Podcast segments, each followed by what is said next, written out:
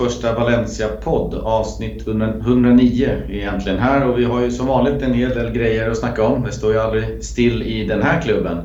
Och vi kör väl som vanligt igång med lite nyheter först och sen så kikar vi lite på det sura krysset mot Cadiz och sen de eh, kommande matcherna i Koppan och mot Valladolid. Hur är läget med Jocke? Jo, med mig är det bra.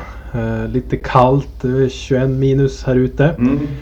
Så att eh, man får hålla sig inomhus höll jag på att säga. man går ut om man måste. Men annars är det bara bra. Eh, har avslutat föräldraledigheten nu och kom igång med lite, lite jobb också. Så att det är mycket som händer nu vid årsskiftet. Eh, både privat och här med, med Valencia. Men... Ja, det är tur att Valencia och allt runt omkring klubben värmer då, då om det är sådär kallt. Ja, precis. Eh, man eh, värmer sig när man knappar på tangentbordet för det händer ju grejer som du nämnde hela tiden så att eh, man har det man gör ändå. Ja, exakt. Ja, här är det väl runt nollstrecket hela tiden så att man har inte behövt ta på några termobrallor än. Nej, och inte skotta någon snö än heller förstår jag. Nej, ingen snö. Ingen är inte, nej. Nej, så så är det. Men vi dyker väl rakt ner i, i nyhetshögen. Uh, och, och, den stora snackisen har ju varit lite grann Javi Gracia, både innan och efter matchen mot Cadiz så skrevs det mycket om honom och att han var på väg, eventuellt, att få sparken. Det spekuleras lite grann. Ett par namn som ersättare bollades upp, som exempelvis eh, jumbon Huescas tränare Michel. Det är väl kanske det mest kvalitativa namn som eh, Anil har på sin långa väntelista, tyvärr. Men det senaste gällande Gracia nu då är ju att Anil hade ett möte med Peter Lim och man gick ut igår tror jag det var och sa att man har fullt förtroende för Javi Gracia som blir kvar. Eh, Plaza bollade upp lite andra namn som Fran Escriba och Javier Callejaus. Ja, eh, det var, var, ju, var väl igår då eh, som du nämnde som att de hade ett möte och att de kommer fortsatt backa honom. Mm. Eh, namnen som bollas upp känns ju inte som att de skulle kunna göra något bättre jobb än Javi Gracia. I alla fall inte vad man ska tro på förhand. Det är väl Javier Calleja här då som man känner igen egentligen utav de här två herrarna som hade haft en session i, i Villarreal då bland annat. Mm. Eh, men annars är det inte mycket att hänga upp i julgran. Så att, eh, är, det, är det de två man har att välja på så skulle jag också ge förtroendet vidare till Javi Gracia. Ja, det skulle jag också göra. Det är, det är tränare som, eh, som, som är utan jobb såklart. Jag tror att det är tränare som alla tre skulle tycka att Valencia-uppdraget skulle vara intressant. Så att jag tror att det på alla sätt skulle kunna vara aktuella namn. Eh, det är inte, jag tar det inte för omöjligt att det är någon av de här tre eh, som, som kliver in om Javi Gracia får sparken. Då. Eh, men, men, precis som du säger, det är ju inga demontränare vad jag kan se. Det är ingen som har verkar ha gjort någonting extraordinärt. Han, Michel hade väl tagit upp Huesca och något annat lag från Segundan. De andra två står utan jobb här nu och så... Ja, jag vet inte. Det, det känns som... Alltså, om det nu kostar Valencia, det var ju snack om det också, om det nu kostar Valencia 3 miljoner euro att sparka honom om man har en och en halv per år då, eh, och det kostar Javi Gracia 3 miljoner euro att kliva av så är det lite för mycket pengar för båda parter i dagens läge för att någonting ska hända. Så, det känns som att eh, det var nog aldrig någon större fråga just idag att, att sparka Javi Gracia ur den aspekten för att det kostar för mycket pengar. Men, men fortsätter den här kräftgången bakåt och, det blir liksom två, tre förluster i rad eller en poäng kanske på tre matcher och sånt där. Eh, då kanske man måste göra någonting eh, och, och kliva ut och, och liksom byta ut Javi Gracia. Men, men känns... Eh, jag känner också att han, han håller nog en högre kvalitet än de namnen som har bollats upp.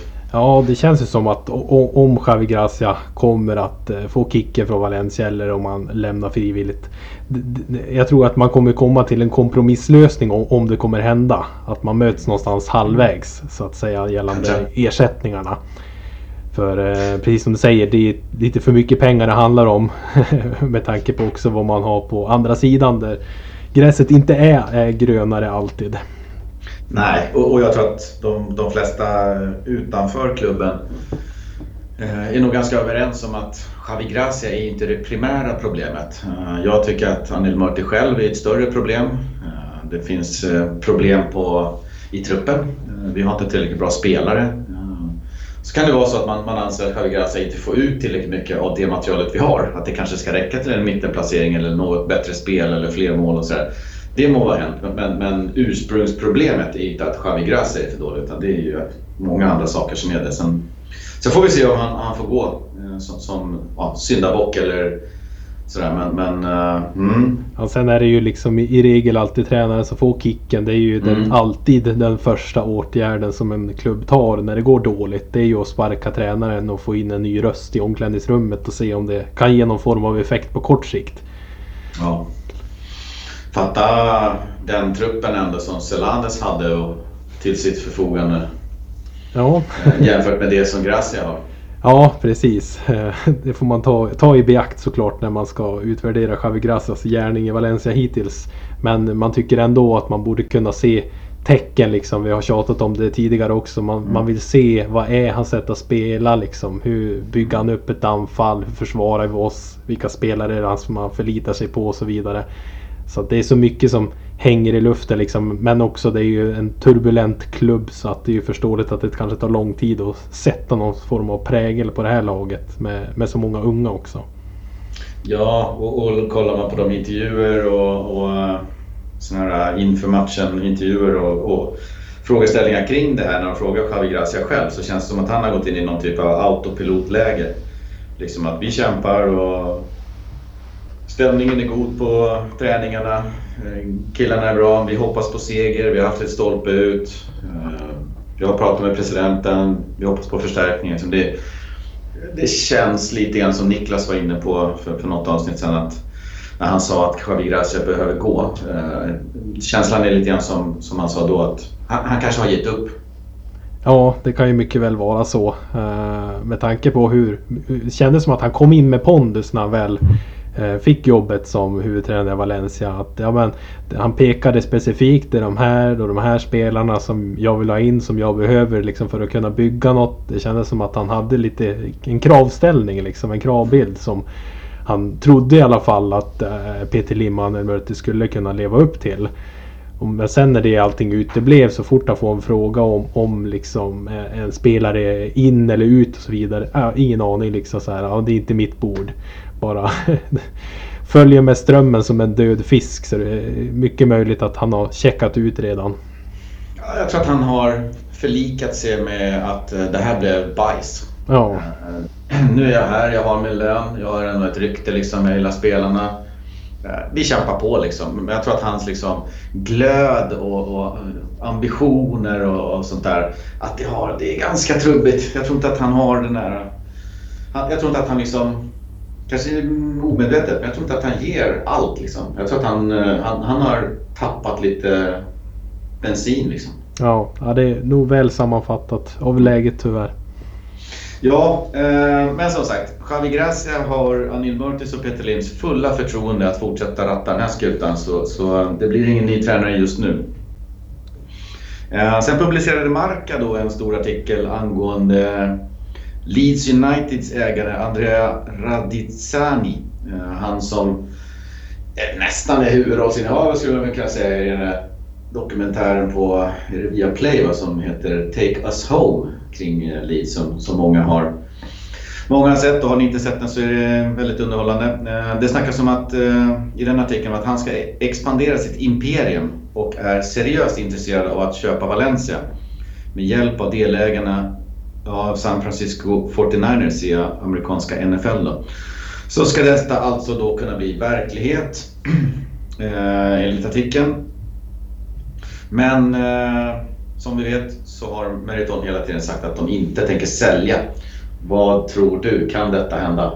Det tror jag mycket väl att det, det kan hända. Eh, fast inte riktigt idag. Mm. Det känns ju som att antingen så ska ju Valencia skjuta upp i, bland stjärnorna. mm.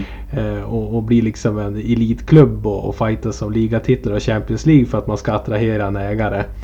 Eller så ska man ju nästan åka ur eller komma långt ner i, i tabellen för att uh, intressera en entreprenör som Andrea Razzani i alla fall. Jag fick för mig när man uh, kollade på den, uh, ja, man kallar det för dokumentär, reality dokumentär kanske. att det var lite det han var ute efter. Att han, han vill ta en stor klubb med stora fanskaror men som är på dekis. Där, där han liksom kan komma in med sitt paket och göra någonting riktigt bra. Ta tillbaks klubben till, till där de hör hemma och, och därmed då maximera sin insats på något sätt. Sen om han vill sälja eh, eller inte, eller om han fortsätter, det vet jag inte. Men, men, men det är ju en ambition som tilltalar mig åtminstone mycket, mycket mer än den obefintliga ambitionen som Peter Lim verkar ha. Ja, det var det jag skulle komma in på också mm. gällande Andrea Razzani. Att han mm. känns ju som, som en sån snubbe som vill ta de här hopplösa fallen, liksom, mm. de här sovande jättarna. Eh, och, och ruska om, om dem och väcka dem till liv igen, likt han har gjort med Leeds United. Då. Nu är hans resa där inte klar långa vägar än. Men han har ju ändå tagit upp dem till finrummet igen och det vore ju såklart spännande att ha en sån ambitiös ägare som honom i, i, ett, i ett Valencia. Och såklart mycket, mycket hellre än Peter Lim, även fast Andreas eh, mål är att man ska expandera, man ska göra klubben stor igen och, och, vara ute i Champions League och vinna titlar och sedan sälja kanske för det femdubbla i framtiden. Mm. Ja, men det är man rätt fine vid. man tar ganska mycket vad som helst i det här läget. Ja, absolut. Jag tycker det låter som en väldigt sund eh, inställning. Eh, de här herrarna jobbar inte med välgörenhet på det sättet utan de har ju kommit dit de är genom att tjäna pengar och göra smarta saker och, och nu får man ju hoppas att det kanske, om det nu blir Valencia och uh, att, att han kliver in då, att det blir någonting bra av det hela. Ja. Men, uh, jag vet inte jag vet inte hur nära det är. Uh, jag tror också att det, det, finns en möjlighet till att han kommer men, men inte nu. Kanske är han mer intresserad om Valencia åker ur. Kanske så tror han att han kan komma in i det här läget och få ett bra pris, vilket jag har uppfattat att Peter Lim inte alls är intresserad av. Så att det, eh, det är nog en bit ifrån tror jag ändå. Ja, men det, oftast så är det ju de här större klubbarna som, eh, som liksom är uppe i toppen som säljs till utländska ägare eller de här som är lite nere i botten eller andra divisioner som man vill bygga upp. Det är ju mm. sällan man ser ett eh, köp av ett mittenlag inom en av de större ligorna. Klart det händer ju också. Men mm. inte i samma utsträckning med, med större ambitioner. Nej, verkligen inte. Det ska bli spännande att följa. Det målas ju konstant upp eh, nya alternativa köpare. Eh, men, men, som har sagt tidigare, i, i dagsläget så finns det ingen säljare. Och det är ju problemet. Ja, precis.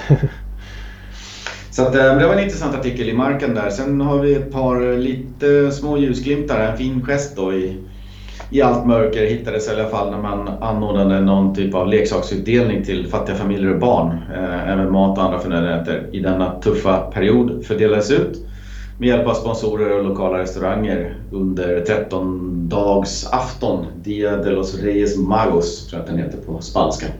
Ja, det fick du till ett perfekt uttal tror jag. Eller ja, det, var, det var fina bilder att se. Eh, så det kan man eh, gå in på Valencias hemsida bara eller i appen och, och, och se, se liksom den här utläggningen. Både artiklar och, och, rörligt finns att se. Eh, otroligt fint jobbat utav alla inblandade. Ja, man, man bör, måste och ska ju jobba med en hel del den här typen av välgörenhet. Och, där händer i alla fall någonting, några saker i Valencia trots Anil Mörtes styre och sådär. Så att, eh, det här var en fin, fin grej. Ja, och, och, inte bara att man, man behövde inte heller vara på plats utan det var även eh, sjuka barn liksom på sjukhus och dylikt som inte kunde gå därifrån som de eh, skickade iväg liksom halsdukar och, och bollar mm. och leksaker och grejer också. Ja, eh, fint, fint gjort. Eh, och ytterligare en fin gest hittar vi i Espanetas hyllningsvideo som man kan kika på på Valencias hemsida eller i appen. Det var många stora gamla spelare som finns med och framför sina egna ord om den store Espaneta. Den är värd att se. Absolut, eh, tycker jag man ska ta tillfället i akt och göra och lägga 10 minuter på den. Eh, nu när man inte kan ha publik på, på läktarna och, och göra någon form av tifo som hyllning så får man väl göra det man kan och det tycker jag att man har försökt att göra här. Eh, det var ju synd att det tog så lång tid bara. Det har ju mm. gått ett tag nu. Men det, det, ska väl anordnas med, med tid också hos de här gamla spelarna och styra upp det hela. Så. Men den finns där och är, är värd att se. Ja, jag tror att det kan vara lite svårt att få ihop eh, under coronatider men, men ja, två månader lite drygt är väl lite för lång tid men... Lite väl ja. ja, ja. Mm. Sen tänkte vi eh, rikta blickarna mot eh, vintertransferfönstret så att säga, transfermarknaden och eh, lite kontraktssituationer. Eh, och Gabriel Paulista då eh, har man fortsatt långt gångna förhandlingar med om ett nytt kontrakt. Vi pratade om det för nästan en månad sedan att han hoppades kunna presentera någonting inom väldigt kort. Det har än så länge inte hänt. Men nu har han då, enligt vad vi kan hitta information, då, fått sitt spanska pass i handen. Då, då. Nu är det liksom klappat och klart att allting gick igenom. Och då gör det ännu mer attraktivt att förlänga avtalet och inom kort kommer väl Palista då med största sannolikhet skriva på eh, till 2024 och han kommer ju få en, en något högre lön tror jag än vad de andra spelarna i klubben har. Däremot inte några Gamero eh, eller Parejo-löner men, men att man ändå gör en satsning på honom då som en av de fyra kaptenerna och att han då ska vara kvar i klubben flera år till. Eh, glädjande! Ja, mycket. Eh, det vore ju surt att, att tappa den andra ordinarie mittbacken från i fjol också. Nu är ju Paulista själva ramen i hela, hela backlinjen och försvarsspelet känns det som. Han är ju klart den, den bästa och viktigaste spelaren vi har där. Så det gör man ju helt rätt i att försöka förlänga kontraktet då. Som du var inne på, det har ju gått eh, väldigt lång tid eh, sedan man började förhandla.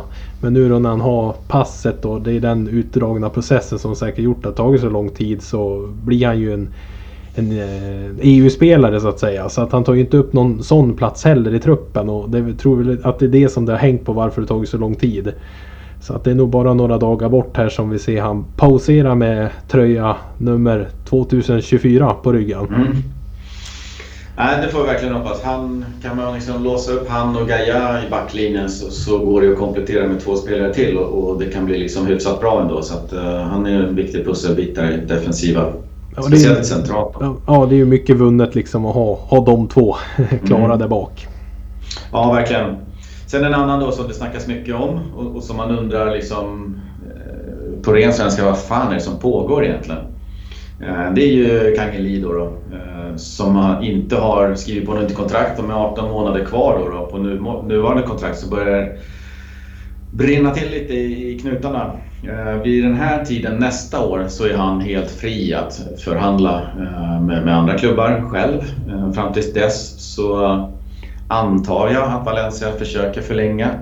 Alternativt då försöker sälja då i sådana fall. Och enligt Kangin Lees stall så krävs det mer speltid för att han ska skriva på nytt kontrakt. Eh, och Javi Gracia fortsätter ju då att ställa honom åt sidan match efter match. Eh, vilket jag tycker är liksom, det är det man undrar, vad är det som pågår? Eh, varför får inte Karn spela? Det var väl mot Granada eller något, någon match här tidigare där, där det var så många B-spelare på planen och man tänkte liksom varför i hela helvetet får inte Kangeli spela? Det, var, det är väl det som har varit den stora frågan de senaste veckorna. Varför får han inte spela? Eh, men, men fortsätter han då inte få den här speltiden och känna förtroende från Gracia eller, inte förtroende för Gracia så, så kan vi nog vinka, bort, vinka bort honom i sommar och kanske redan i januari. Ja, jag kände ju så att eh, innan Granada-matchen men då kände jag mm. lite att ja, men Javi Gracia kanske inte riktigt vet vart han ska placera in honom. Han hade ändå gjort eh, några minuter i, i, början av säsongen och det, det, var ju både upp och ner så att säga. Han bidrog ju med några assist och, och såg ju ganska fin ut. Eh, men sen då vart mer och mer ställd åt sidan och, och fast förankrad på bänken. Då kände man ja, men han kanske inte passar in i Javi Gracias sätt att spela. Men med ett 4-4-2 liksom. Han vill inte ha honom på kanten. Han vill inte ha honom som en anfallare. Ja, men fine då ifall han inte passar in i ditt spelsystem. Och jag har själv också tyckt att han inte är tillräckligt bra för att man ska kunna bygga spelet kring Kangeli. Utan där måste han ju steppa upp om man nu ska spela 10 om vi ska byta formation på grund av Kangin Lee ska få mer speltid. Visst, det kanske blir eh, vägvinnande i, i det långa loppet. Men när man såg startuppställningen som du var inne på mot Granada med så många B-spelare mm. på plan. Då kände jag också vad i... Ja, är det som pågår? Varför får han inte spela? Och jag tyckte nu när han fick, eh, fick eh, en hel del speltid nu senare mot Cadiz. Att det hände ju ändå någonting när han hoppade in. Vi kommer ju komma in på det lite senare också. Mm. Så att med, med tanke på vilka, vilka vi har i truppen så förstår man ju ingenting varför han inte får spela. Nej, speciellt när Ratchis är skadad och, och det har funnits möjligheter på högerkanten också. Eh, så, så är det väldigt, väldigt konstigt att Gracia då som fjärde tränare i rad väljer att inte så att säga satsa på Kangin. Eh, man undrar ju om det är något om man inte är tillräckligt bra. Eh, om det, eller om det är något annat problem som är eller om man helt enkelt liksom inte passar in. Någonting är det som gör att han gång på gång, tränare efter tränare, inte riktigt får chansen. Och ja, jag, jag kan, när man tittar på honom på plan så, så har han ju sina kvaliteter. Det finns ju teknik i kameran, det finns en viss speed och så vidare. Det saknas, kan jag tycka, eh, ja, kanske lite mer ansvarstagande särdrag i hans spel. Eh, och det saknas ju kanske mål, tänkte jag säga. Men, men å andra sidan så har han inte fått chansen heller. Det är inte så lätt att hela tiden veta att du är fjärde, femte handsvalet eh, och sen komma in och behöva leverera. Ibland i en ovan roll, eh, får ingen kontinuitet. Eh, så att, liksom, att han inte lyckas ligger ju på fler eh, fler händer än, än, hans egna bara. Men, men, samtidigt så har han inte riktigt tagit chansen när han får dem. Jag tycker inte att han står för någon sprakande tillställning. Ja, vad var det? 70 minuter rakt igenom, 65 senast när Gamero gick sönder. Men, men visst, det händer lite grejer då och då. Man har ju liksom... Han kvitterar inte ut något toppbetyg tycker jag. Nej då, det, det, är inte så jag menar. Utan Mm, nej, nej, det jag jag menar, dig, alltså. han kommer ju in och är ju... Han, han är ju... Det finns ju ingen annan spelare i Valencia som är lik honom i sitt spelstil. Nej. Han, han har ju liksom en X-faktor där att han kan ju göra det oväntade. Och har ju tekniken att göra det också. Och hitta den där luckan, hitta den där passningen, den där djupledsbollen. Mm. Det ser ju ingen annan göra i, i det här laget. Och, och jag tycker inte heller liksom att han har tagit chansen när han får det. Därför jag tycker inte att han ska bygga spelet kring Kangeli. Så pass bra är han inte. Men när man ändå ser en Alex Blanco, ja med Jonas Musa, eh, Esquerdo. Alla de här går före honom i rangordningen. Då undrar man ju vad fan är det som händer? Jason. Ja, det vill jag inte ens nämna. Nej, men han går också före bland Ja. annat mot Granada där. Då. Ja. Eh, Och, och när man tänker på det, då tycker jag absolut inte att han är sämre än någon av dem. Han skulle nog, i, vad, ba, liksom, vad jag kan se, lika gärna ha fått chansen som de spelarna. För, för de har ju sannerligen inte rosat någon marknad och liksom tagit en plats och och visat fram fötterna. Och där tycker jag att det är märkligt ändå när man har en, en sån spelare som Kangin, att man inte väljer att kanske ge honom minuterna, erfarenheterna, starterna, eh, hålla honom liksom glad.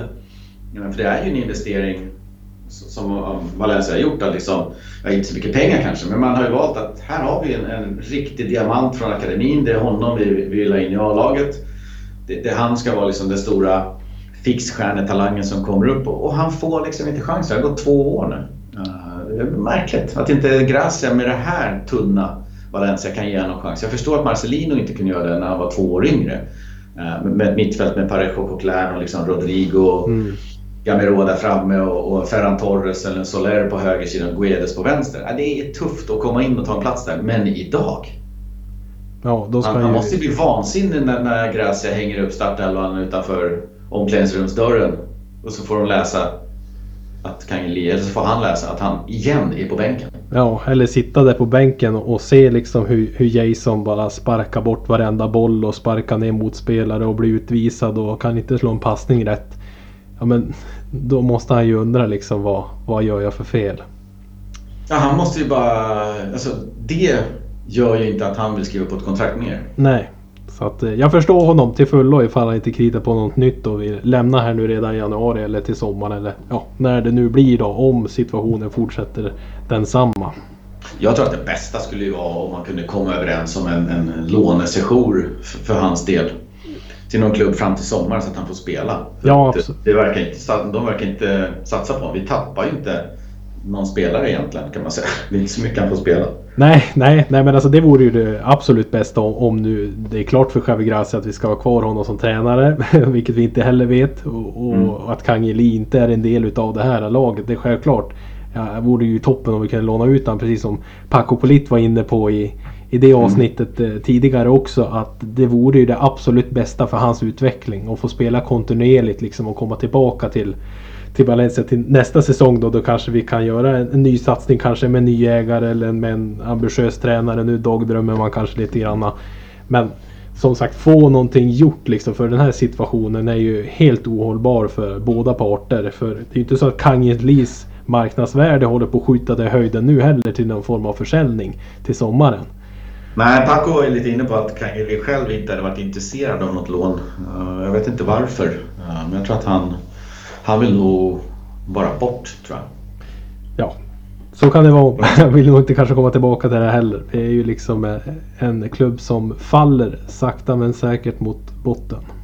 Ja, och liksom det finns ju många spelare genom åren som har stuckit eh, från Valencia och det lämnar liksom en liten bitter eftersmak. Så eh, i det här fallet så känner jag mer att den bittra eftersmaken inte läggs på Kangeli utan i sådana fall Valencia som organisation att man inte kunde ta hand om dem på bättre sätt om man skulle sticka. Ja. Men men, det är Ungkangin. Vi följer väl det. det, det kanske någonting mer ploppar upp under vintertransferfönstret. Annars så blir det väl en lång vår här. Får hoppas att han får spela lite. Utöver dessa så jobbar man också på att förnya med Daniel Wass eh, som i skrivande stund har ett avtal som löper ett 2022. Ja, han har väl fortsatt mest speltid av allihopa mm. även den här säsongen. Var inte han och Chalme? Ja, det var väl de två som hade spelat alla minuter. Mm. Eh, och likadant var det väl förra säsongen också. Var det väl han och, och Parejo som var där uppe på ungefär detsamma om inte Vass var framför till och med. Men det är ju en spelare som betyder oerhört mycket för Valencia. Tragiskt nog. mm.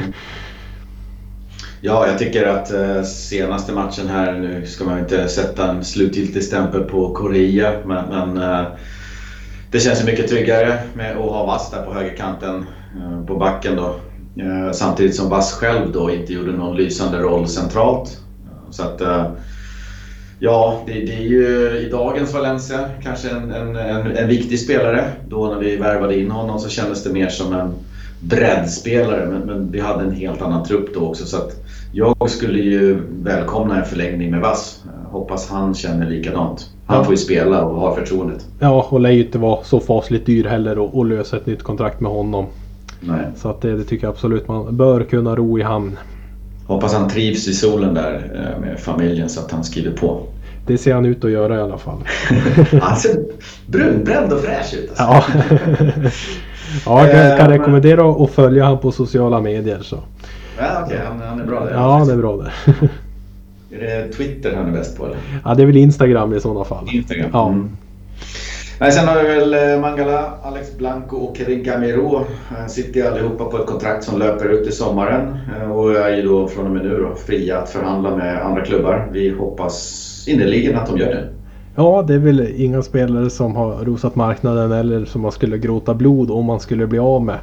Det är väl möjligtvis Alex Blanco att han kanske förtjänar en till chans. Men han har varit ganska många år i Valencia nu och är väl 21-22 år gammal och har ju inte blomstrat ut till någon A-lagsspelare även fast han är det i den här upplagan av Valencia. Då.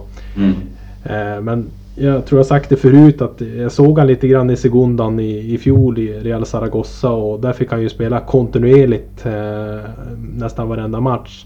Och där tycker jag att han gjorde det väldigt bra och det är väl kanske den nivån som han håller i dagsläget. Mm. Men skulle man förlänga utav någon av dessa herrar så är det väl Alex Blanco i sådana fall. Ja, Mangala tycker jag har nu fått en del chanser i år och jag tycker att han har varit under par. Han har inte visat någonting som gör att man känner att här har vi någonting. Och då har han ändå varit hel vad jag förstår under en längre period. Eh, samma med Gamiro då, har inte heller visat riktigt eh, sina nivåer. Dessutom väldigt hög lön och otroligt skadebenägen. Han är nu skadad igen. Borta en tre veckor ungefär. Eh, så att eh, vi får inte ut någonting av Gamiro. Eh, och det är hemska pengar han sitter på i lön. Så att, eh, ja, det, det, skulle vara ett välkommet tillskott om, om han kunde hitta någon ny klubb nu men eh, det går inte så bra om han är skadad under transferfönstret. Nej, vi får nog räkna med att han sitter kontraktet ut nu, Kevin Gamero. Uh, ingen, ingen, kommer köpa honom skadad. Det blir en, en väldig chansning också. Även fast det är tre veckor så kommer det vara mycket kvar av säsongen. Så är det ändå en stor chansning för klubben som köper honom med tanke på att han inte har presterat heller på ganska många år nu. Nej. Nej, och försvinner han så får man väl ta in någon ny anfallare och ja, jag vet inte om det blir bättre. Det blir billigare i alla fall. Ja, det blir det. Eller satsa på de unga i, i leden som man har. Det, det är som jag sagt så många gånger. Eh, att det var en jäkligt dålig värvning. Men nu när han är här så är det lika bra att han får spela. Och, så, så dålig är han inte. Men, men sett till vad vi betalade och vilken ålder han har så är det en värdelös värvning. Ja, det är en fruktansvärt dålig affär. Var väl, eh, vi har väl blivit pålurade anfallare från Atletico Madrid förut. Ja, han kom undan Vietto där. Ja, Vietto ja, precis. Det var han jag tänkte på där. Tror han är i Saudiarabien. honom i alla fall. Han var väl bara på lån va? Ja, precis. Det var lån. Jag tror han är i Saudiarabien nu och här är någonstans. Eller vad det var. Ja, hoppas det går bra för honom. Ja. Eh, sen lite transfer då. Peter Lim ska ju ha lovat då eh, Gracia eh, minst två spelare nu i fönstret. Eh, men vi får väl eh, se hur det går med det. Det är ingenting som har gått att lita på 100% hittills. Eh, nästa fråga är ju vad det är för kvalitet på de värvningarna som vi väntar in? Eh, är det liksom bottenskrap någonstans ifrån? Eh, det snackas mest just nu om att Piccini då eh, ska komma tillbaks och det ser jag som en förstärkning på, på högerbackspositionen. Och sen är ju Jorge Sainz då som också är då nere i, bland fiskpinnarna i Celta Vigo han kan ju också vara på väg tillbaka för, för att bredda liksom på mittbackspositionerna. Det är ju inte några... Alltså Piccini välkommen. Uh, Sainz sådär. Ja, det är så man känner på, på förhand i alla fall.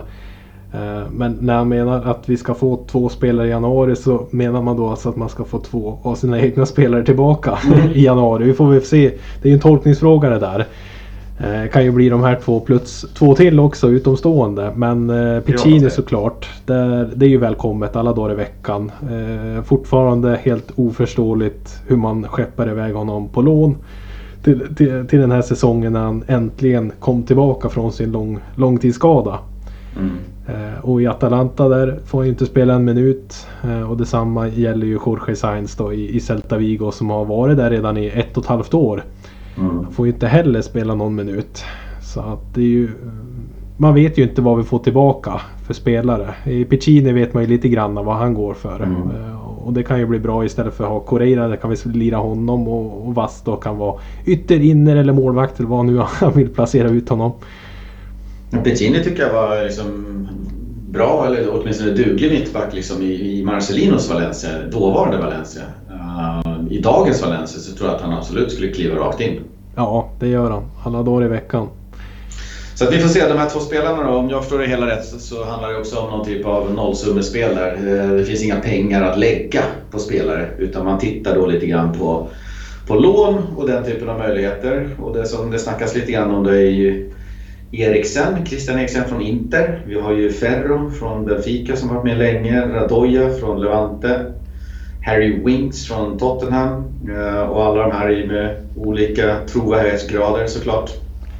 Ja, till att börja med Christian Eriksen kan mm. vi väl eh, skriva av på, på en gång.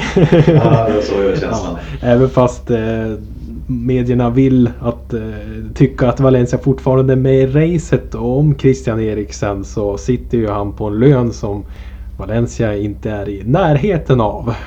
Uh, och jag tror inte att Skriksen själv heller är sugen på någon typ av löneavdrag utan han tänker sig nog kämpa. Jag tror också att han har ambitionen att, att spela i en i en klubb som kanske utmanar i någon, i någon liga på ett annat sätt eh, än vad Valencia gör idag. Så att, äh, jag, jag tar den för otroligt, otroligt äh, liten möjlighet om, om någon möjlighet alls. Då. Men det var väl lite andra klubbar som han ryktades till som ändå liksom låg i Valencias nivå va? Ja, så är det ju. Man får ju ta fram det här med en näve salt som man brukar säga. Men det, det har ju fallerat eh, ryktet till PSG sen Pochettino tog över. Mm. Så de verkar inte vara med i racet längre utan där är det ju Dele Alli som Pochettino hellre vill ha dit. Så det som det har snackats om är ju West Ham, Aston Villa, Wolverhampton och Ajax då. Så namnen i sig så tycker man ju ändå att där ska väl Valencia kunna vara med och tampa som en spelare. Men eh, pengarna som de har i Premier League kan inte Valencia mäta sig med eh, i dagens mått mätt. Så att han lär väl hamna i någon mittenklubb där i England då på något lån skulle jag tro. Ja, eh, jag tror att eh, Valencia nog skulle kunna liksom klubbmässigt och, och så eh, vara med i det, det sammanhanget med de klubbarna. Däremot så ligger det oerhört mycket pengar eh, borta i, i Premier League. Uh, så att de har ju andra muskler och möjligheter att lösa spelare än vad vi har. För vi har ju ingen, ingen möjlighet.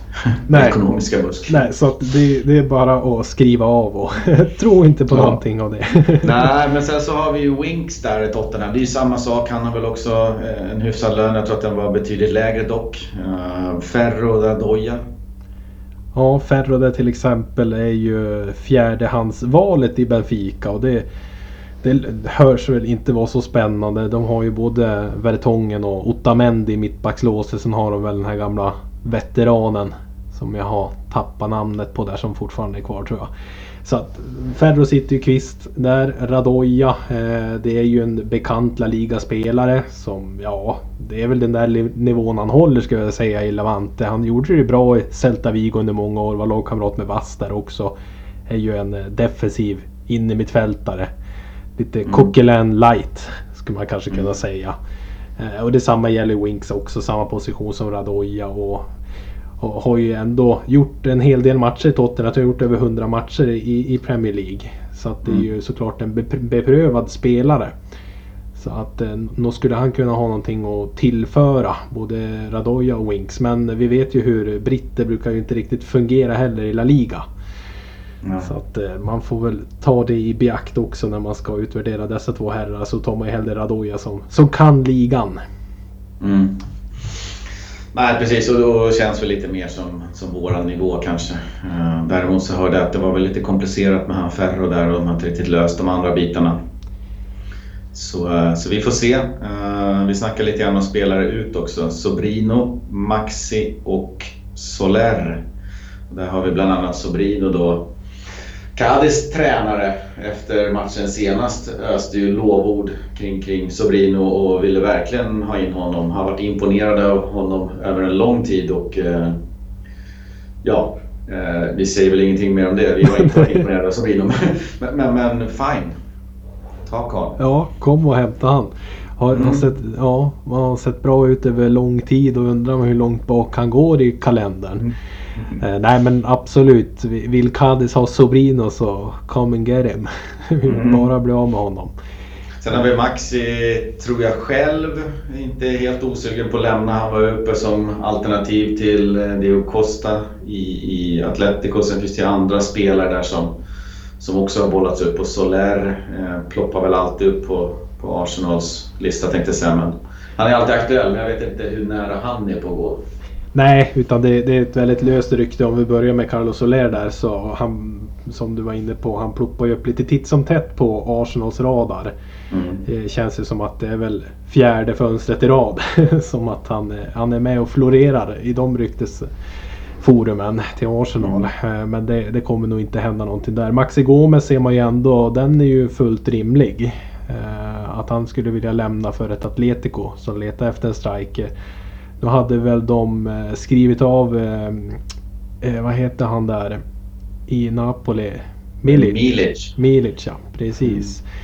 Mm. Var väl inte aktuell längre utan det är väl Maxi som är första valet där i Atletico. Och han skulle passa in jättebra där i Simeones lagbygge och en liggkamrat till Suarez och Joao Felix. Ja, och den som alltid bollas upp. Det var väl någon omröstning de hade på om det var Atletico själv eller om det var Marca eller AS som hade vilka fans jag ville ha. Så är Raúl de Tomas från Espanyol som alltid är med överallt. Eh, som, som de ville helst ha. Ja, det, han går ju bra där i Segundan och det är ju ett mysterium varför han följde med dem ner. Så det är mm. många fina spelare där kvar i, i Espanyol, det ska sägas. De har ju en ytter också som jag är väldigt förtjust i, Melendo. Mm. Hade gärna sett han komma till Valencia. Så ja, vi, vi, får väl se om de köps sönder eller hur det ser ut. Det var väl egentligen bara Mark Rocca och Granero som lämnade av de som var viktiga om man säger så. I, i det där mm. Espanyol som åkte ner och de leder väl också Segundan och kommer väl gå upp också med dunder och brak där. Ja, man får väl nästan anta det så får vi se. Då kanske han känner för att han, han eh, vill vara med upp då. Ja, Raúl de Tomas är ju ämnad för större saker än Segunda i alla fall. Ja, det är helt klart. Och ju ett jäkligt skönt namn att ha på tröjan också, RDT. ja, precis. Du väntar bara på den. Om man kommer till Valencia alltså. Precis. Nej men så kan det bli också om, om Maxi går ut och, och han kan, Raúl Tomas känner för Valencia så skulle det vara ett hyfsat byte i alla fall. Med förhoppningen då att det ligger en del pengar på bordet för Maxi för han är ju en, en riktigt bra anfallare. Det är han. Som vi definitivt ska ha pengar för i, i rätt ålder också så det får ju inte bli någon rea här nu. Nej, man är ju rädd för att det är det som kommer hända. Vi kan ju ge bort Sobrino likt Parejo. Mm. I alla fall. Jo, det vi snackade om lite innan också. Det, är en sån här eh, en spelare som Sillesen till exempel. Nu gick väl han för, kom till Valencia för ett 30-tal miljoner och vi sålde Neto för ett 30-tal miljoner. Eh, men det var ju bara en uppblåst transfer för att liksom öka upp Fifa Fair Play-budgetarna eh, lite grann. Så, att, så mycket är inte han värd. Men, men se att man skulle kunna skeppa Sillisen för 10 och bli hans lön så, så måste det dyka upp lite svängmanöver i, i Anil Murtis investeringsbudget kan jag tycka. Eh, så det vore ju en, en bättre spelare att släppa iväg och då gå på Jaume och ta in någon, någon andra målis där som, som kanske håller lika, liknande nivå. Ja, det hade ju varit... att släppa Maxi. Ja, men det hade ju varit en sund affär att göra mm. i och med att han inte spelar någon, någonting heller. Och, och Jaume har ju visat sig ändå liksom hålla i, i den här upplagan av Valencia. Mm. Så är det ju inte mer än rätt att man försöker hitta en lösning. Eh, bara att han blir skadefri någon gång sen så att vi kan intressera någon som vill köpa också. Eh, eller bara skeppa iväg han som sagt och lösa han från kontraktet. Ja, äh, det lär ju ploppa upp lite namn till höger och vänster här i och med att det inte fönstret är öppet. Så vi, vi håller ett äh, vaket öga på situationen. Ja, vi har ju en fin målvaktare, Dimitrovic i Eibar också som letar efter ny klubb. Hans kontrakt går ut i sommar också så att mm. där tycker man ändå att Valencia skulle kunna vara med och hugga. Ja, en målvakt som står i Eibar vet man ju inte tjänar någon stor, stor lönepost heller. Så att han skulle man kunna signa på till, till en hyfsad peng kan jag tycka. Ja, det, är väl där vi ligger någonstans i den nivån. ja, men det känns som att Eibars löner kan väl till och med kanske vi toppa lite grann så att han blir sugen. Ja. så, utan att lägga ut allt för mycket. Så att, eh, det känns som en, en sund värvning också i sådana fall. Och jag, jag tycker lite grann att det, det har inte flygit med Sillisen i Valencia jag skulle tvivla på att han själv känner för att vara kvar heller. Så det finns ju liksom en, ett värde i honom som, som kanske är läge för att casha in nu. Ja, verkligen. Han börjar ju komma upp i åldern också. Så. Även fast 30 eller 31 var han är ingen ålder för en målvakt. Nej, så. landslagsmålis och allting. Det, det är ett namn liksom. Ja, det är ju det. Det är ju ett stort namn liksom världen över. Han är ju känd överallt. Så att mm. det borde kunna gå att lösa. Ja, verkligen. Vi eh, tar en liten jingel på det så kikar vi på lite matcher.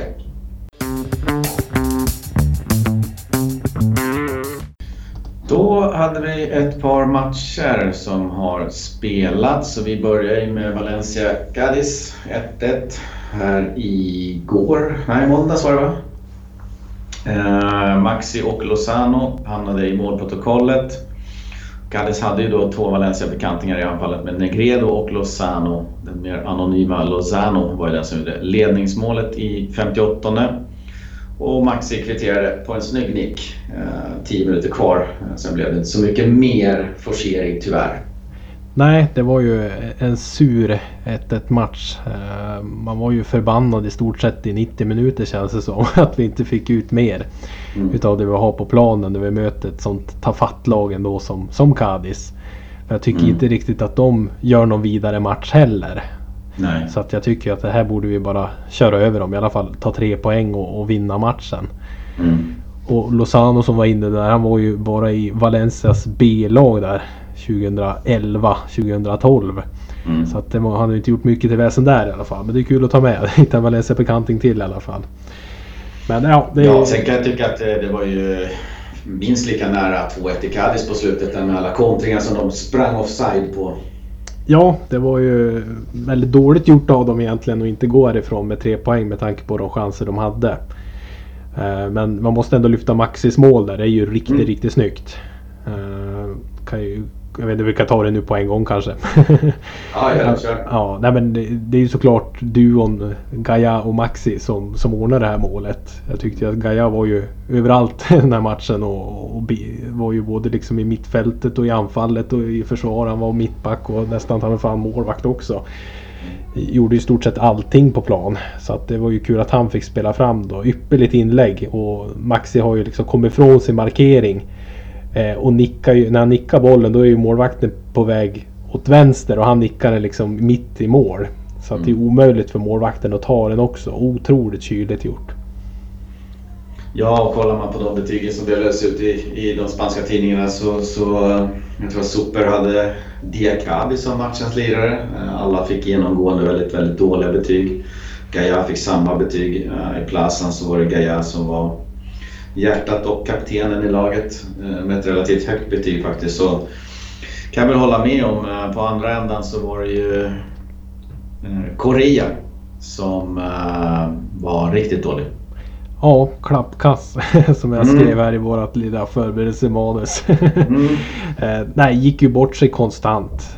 Han hade väl ett eh, inlägg tror jag i matchens första minuter som jag tyckte såg bra ut. Men annars så var han ju helt genomusel. Gick ju bort sig konstant i positioneringen. Tappade boll i väldigt farliga lägen. Eh, Ibland som, som näst siste man också på hans kant där.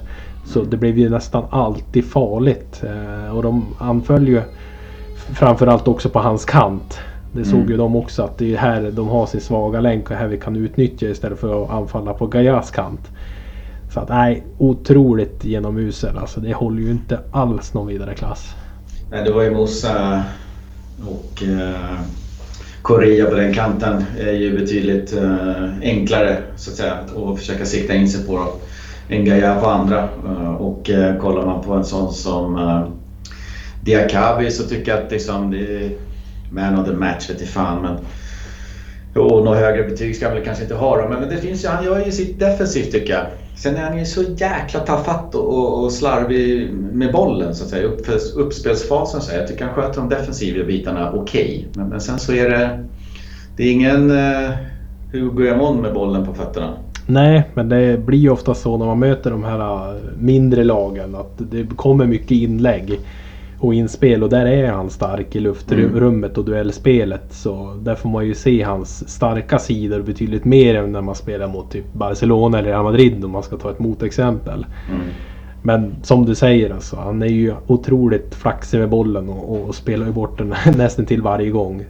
Så att han måste ju öva sin jäkla bredsida bara. Man tycker Mm. hur svårt ska det vara för en professionell spelare att slå en bredsidespassning på 10 meter till en rättvänd gubbe. Så att, nej, riktigt dåligt.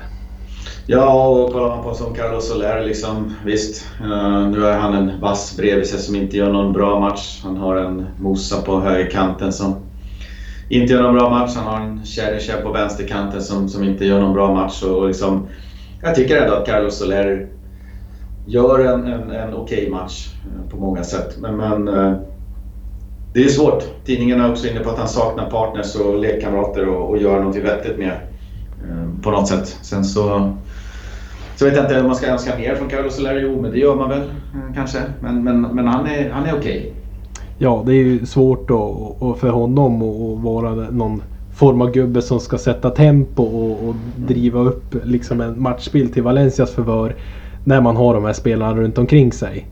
Mm. Så han har ju inte växt ut och blir den här som eh, ja, men går ner och hämtar boll, driver upp och slår en avgörande passning. Liksom. Riktigt där är ju inte Carlos Solers styrkor.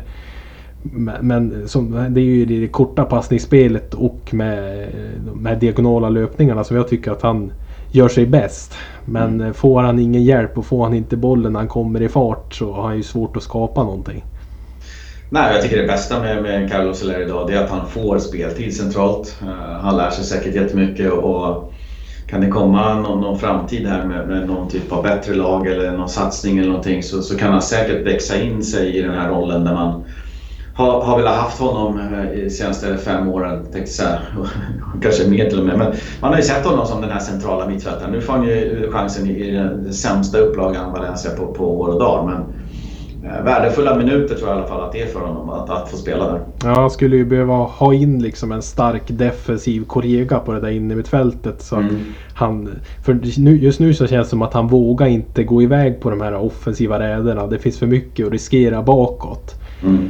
Eh, så att få in en defensiv stark ja, men Kondogbia, Coquelin liknande spelare och ha bredvid honom så tror jag att man kommer få se mycket mer utav Carlos Solers styrkor. Ja.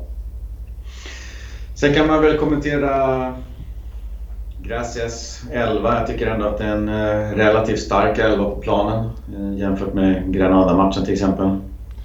Det med tanke på det vi hade att gå med. Ja, det är det ju.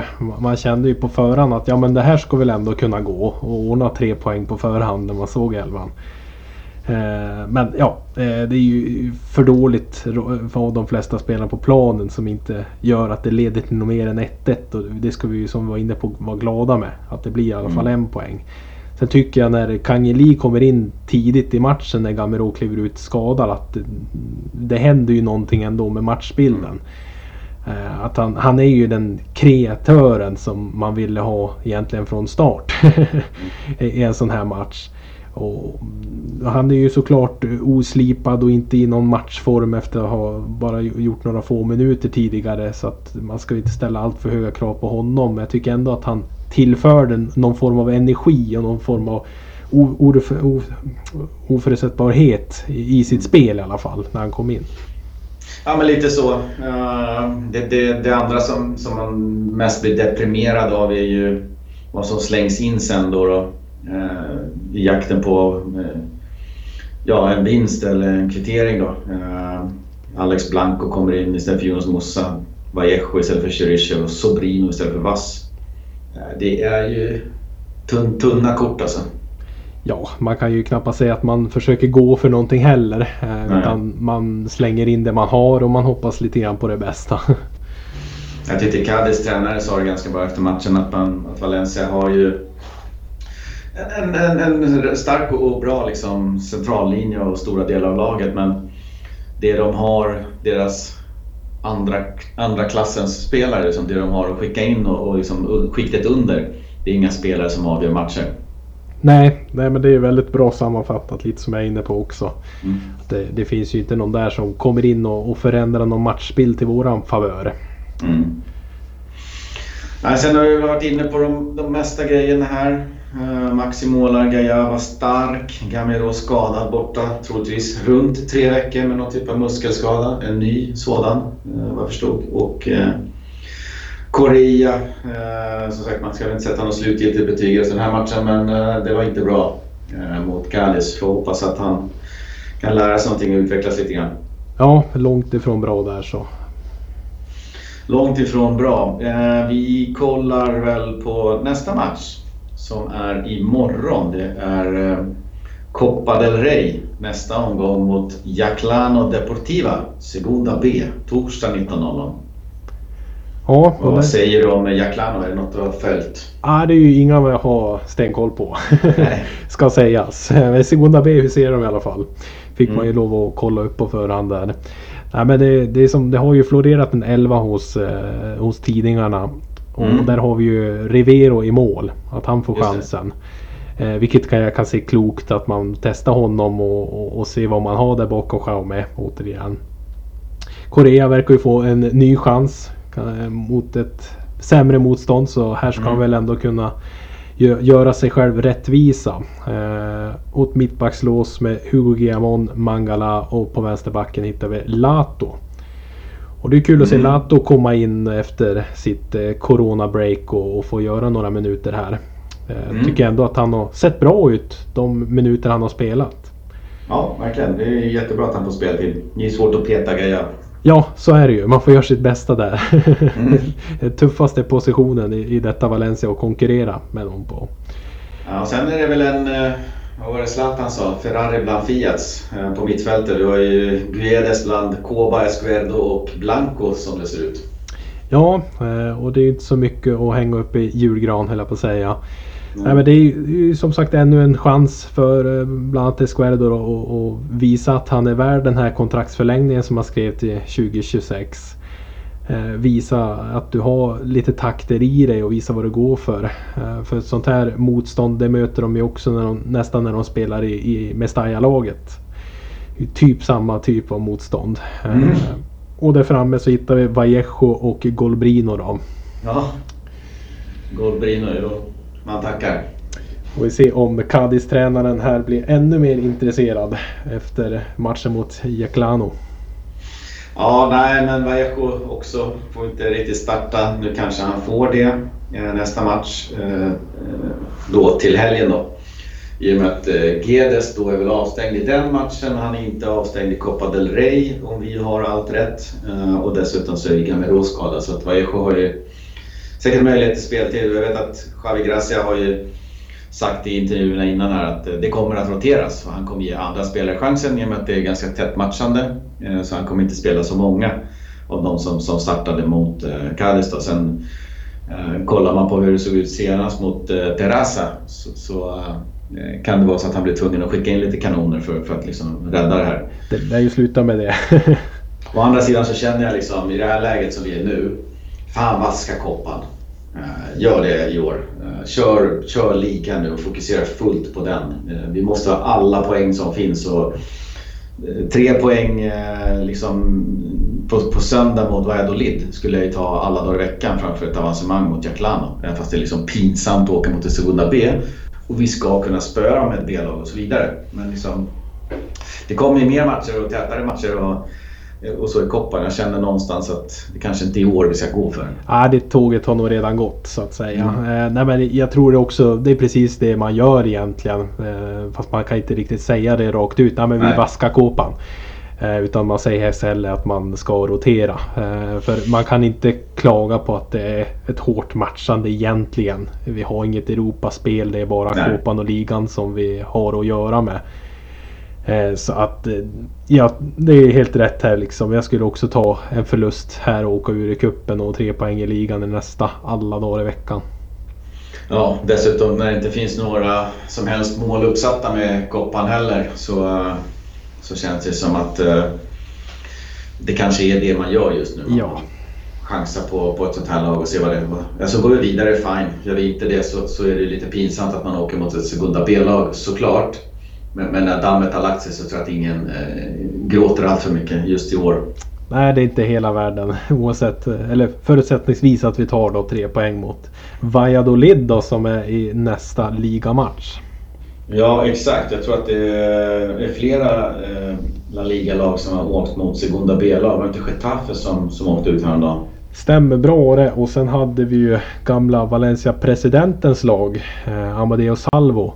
Mm. Han eh, är ju ägare och president av UD Ibiza som eh, slog Celta Vigo på käften med 5-2. Atletico Madrid också va? Åkte de också? Jag tror att de åkte, jag ska kolla här. UD Cornella. Atletico Madrid. Jaha ja, det måste vara, det är väl ett katalanskt lag va? Cornella. Då var de nöjda med det då. Ja. Kondogbia på planen. Se där ja. Det var ju tur att vi sålde nej, honom. Det är Tolo på planen ser jag också. Eh, så att, nej, men det är ju, det är ju eh, andra eh, La Liga-lag som har åkt nu. Jag skulle inte bli förvånad om Valencia den här omgången eller nästa omgång eh, åker ur. Vi, vi, vi ställer ett riktigt B-lag på benen här. Det blir Jaclano mot UD Ibiza i finalen. ja, det vore något. Ja. Nej, så det, det, var väl eh, den matchen. Eh, det är möjligt att ni har lyssnat på podden, eller kommer lyssna eh, efter den matchen. Så vi pratar inte mer om den utan kikar lite grann på Valladolid Valencia på söndag 21.00. Härlig speltid. Kan man titta på den i lite lugn och ro. Vad ser vi för startelva där då med tanke på Koreas spel och Guedes borta, Gamero borta. Vad tänker du? Ja, jag tänker ju absolut att vi måste ha in en vass igen på högerbacken. Det är ju klart. Mm. Eh, backlinjen är väl som vanligt där med Paulista i alla fall och, och, och Gaia. Sen får vi se om... Är han tillbaks? Det kanske han är? Ja, det borde han väl vara va? Ja, jag uppfattar inte riktigt hur allvarlig den där skadan var. Det skulle ju inte vara så farligt det där i alla fall som jag kunde läsa mig till. Då får vi hoppas att han är tillbaks och om vi har Gajada också så börjar det kanske se okej okay ut. Då ser det nog okej okay. Annars får ju Lato kliva in och, och, mm. och göra sig göra sig rättvisa igen så att säga. Men sen får vi se om Mangalaro eh, gör någon vidare match här i kuppen så får väl han kanske starta då. Annars så tycker jag att Diakaby är ju bättre spelare. Eh, ja. Så att han ska väl in där bredvid Paulista. Eh, och Guedes är ju avstängt så att det blir väl Jonas Musa och Cheryshev på kanterna skulle jag tro. Mm. Eh, och då är ju frågan där vem, vem som ska bli, lira bredvid Soler då på innerfältet. Vem hade du satt där? Jag antar att det, att det kan tänkas bli då Esquerdo. Men jag skulle kanske attraheras av tanken att köra Gangeli där då. Men jag vet inte om det passar sig riktigt eh, så. Men eh, jag vet inte. han har väl valt Esquerdo de gångerna han har kunnat. När Oros är borta. Jag vet inte, Oros var väl illamående vad jag förstod. Eh, och jag har inte fått någon, någon, någon grepp om hur länge han kan tänkas vara borta. Nej, det är samma här. Är inte, jag har inte heller sett något datum eller någon tidsperiod som, som han är spelduglig igen. vi får se om det är Oros som kliver in tillbaks i den rollen eller om det är Squedo eller om det är någon annan. Men, men, eh, det kan ju bli lite tunt där. Framåt så tänker man väl ändå Maxi som nu är tillbaks efter lite bristande attityd på träningarna. Han var ju avstängd där mot, eller bänkad hela matchen mot Granada på grund av det. Eh, men han har ju kört någon ja, kampanj i sina sociala medier eh, där han har lagt ut en massa bilder om att han tränar hårt och att han är på G nu igen och han ger allt för laget och lite så.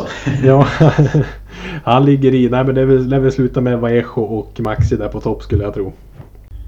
Så uh, har vi rekordknappen på G igen. Jag tror vi hade lite tekniska bekymmer så vi ska väl försöka klippa på bästa sätt så att ni inte hör allt för mycket av det då. Men så kan det gå ibland med oss amatörpoddare. Uh, vi har ju Maxi då, som drog på sig ett fjärde här. Gult kort då sist och han eh, riskerar ju avstängning om han drar på sig ett gult till. Både mot Valladolid och efterkommande matcher. Så det är ju någonting som vi får hoppas att han inte pysslar med då. Och så har vi Valladolid då, det är väl inget höjdarlag. Eh, två raka nu under 2021 vad jag kunde se. Det är ju bra jobbat. De har väl två poäng mer än Valencia och sladdar runt i samma regioner. Eh, också i behov av poäng. De kommer ju kriga in i det sista för att få med sig en pinne eh, från den här matchen eller kanske till och med se chansen att ta tre. Då. Så att det, det, är en, I det här läget så är det en svår match tyvärr som, som Valencia har mot ett Valladolid som man normalt sett ska bara vinna över. Ja, så är det och de ligger ju två poäng före oss i, i ligaspelet här. Så att skulle mm. vi kunna knipa en trea här så klättrar vi upp på lite säkrare mark än vad vi är på just nu i alla fall. Ja, men det som oroar lite grann. De spelade 1-1 borta mot Sevilla, sen var det en klar torsk mot Barca, sen är det 0-0 mot Cadiz och en vinst borta mot Getafe. Det är deras sista. Eh, senast här så var det ju en vinst i Copa del Rey mot Marbella borta. Så att det liksom, eh, kom in med hyfsat fart under galoscherna Valladolid. Absolut, eh, Getafe ska man inte underskatta även fast inte de är detsamma den här säsongen som, som tidigare år. Så är det ju fortfarande en hård nöt att knäcka framförallt på bortaplan där. Ja, starkt gjort. Eh, så får vi se. Jag kollade igenom deras spelartrupp. Jag tyckte inte jag kände igen någonting alls. Så det är väl ganska anonymt gäng som vi åker och möter. Eh, så den håller vi tummarna på. 21.00 söndag kväll. Viktigt, viktigt som vanligt. Får vi hoppas att det kanske kan vara en svensk kommentator på den. Jag har inte varit det på slutet. Nej, vi får hoppas att eh, pinnen kliver in och, och briljerar som vanligt där.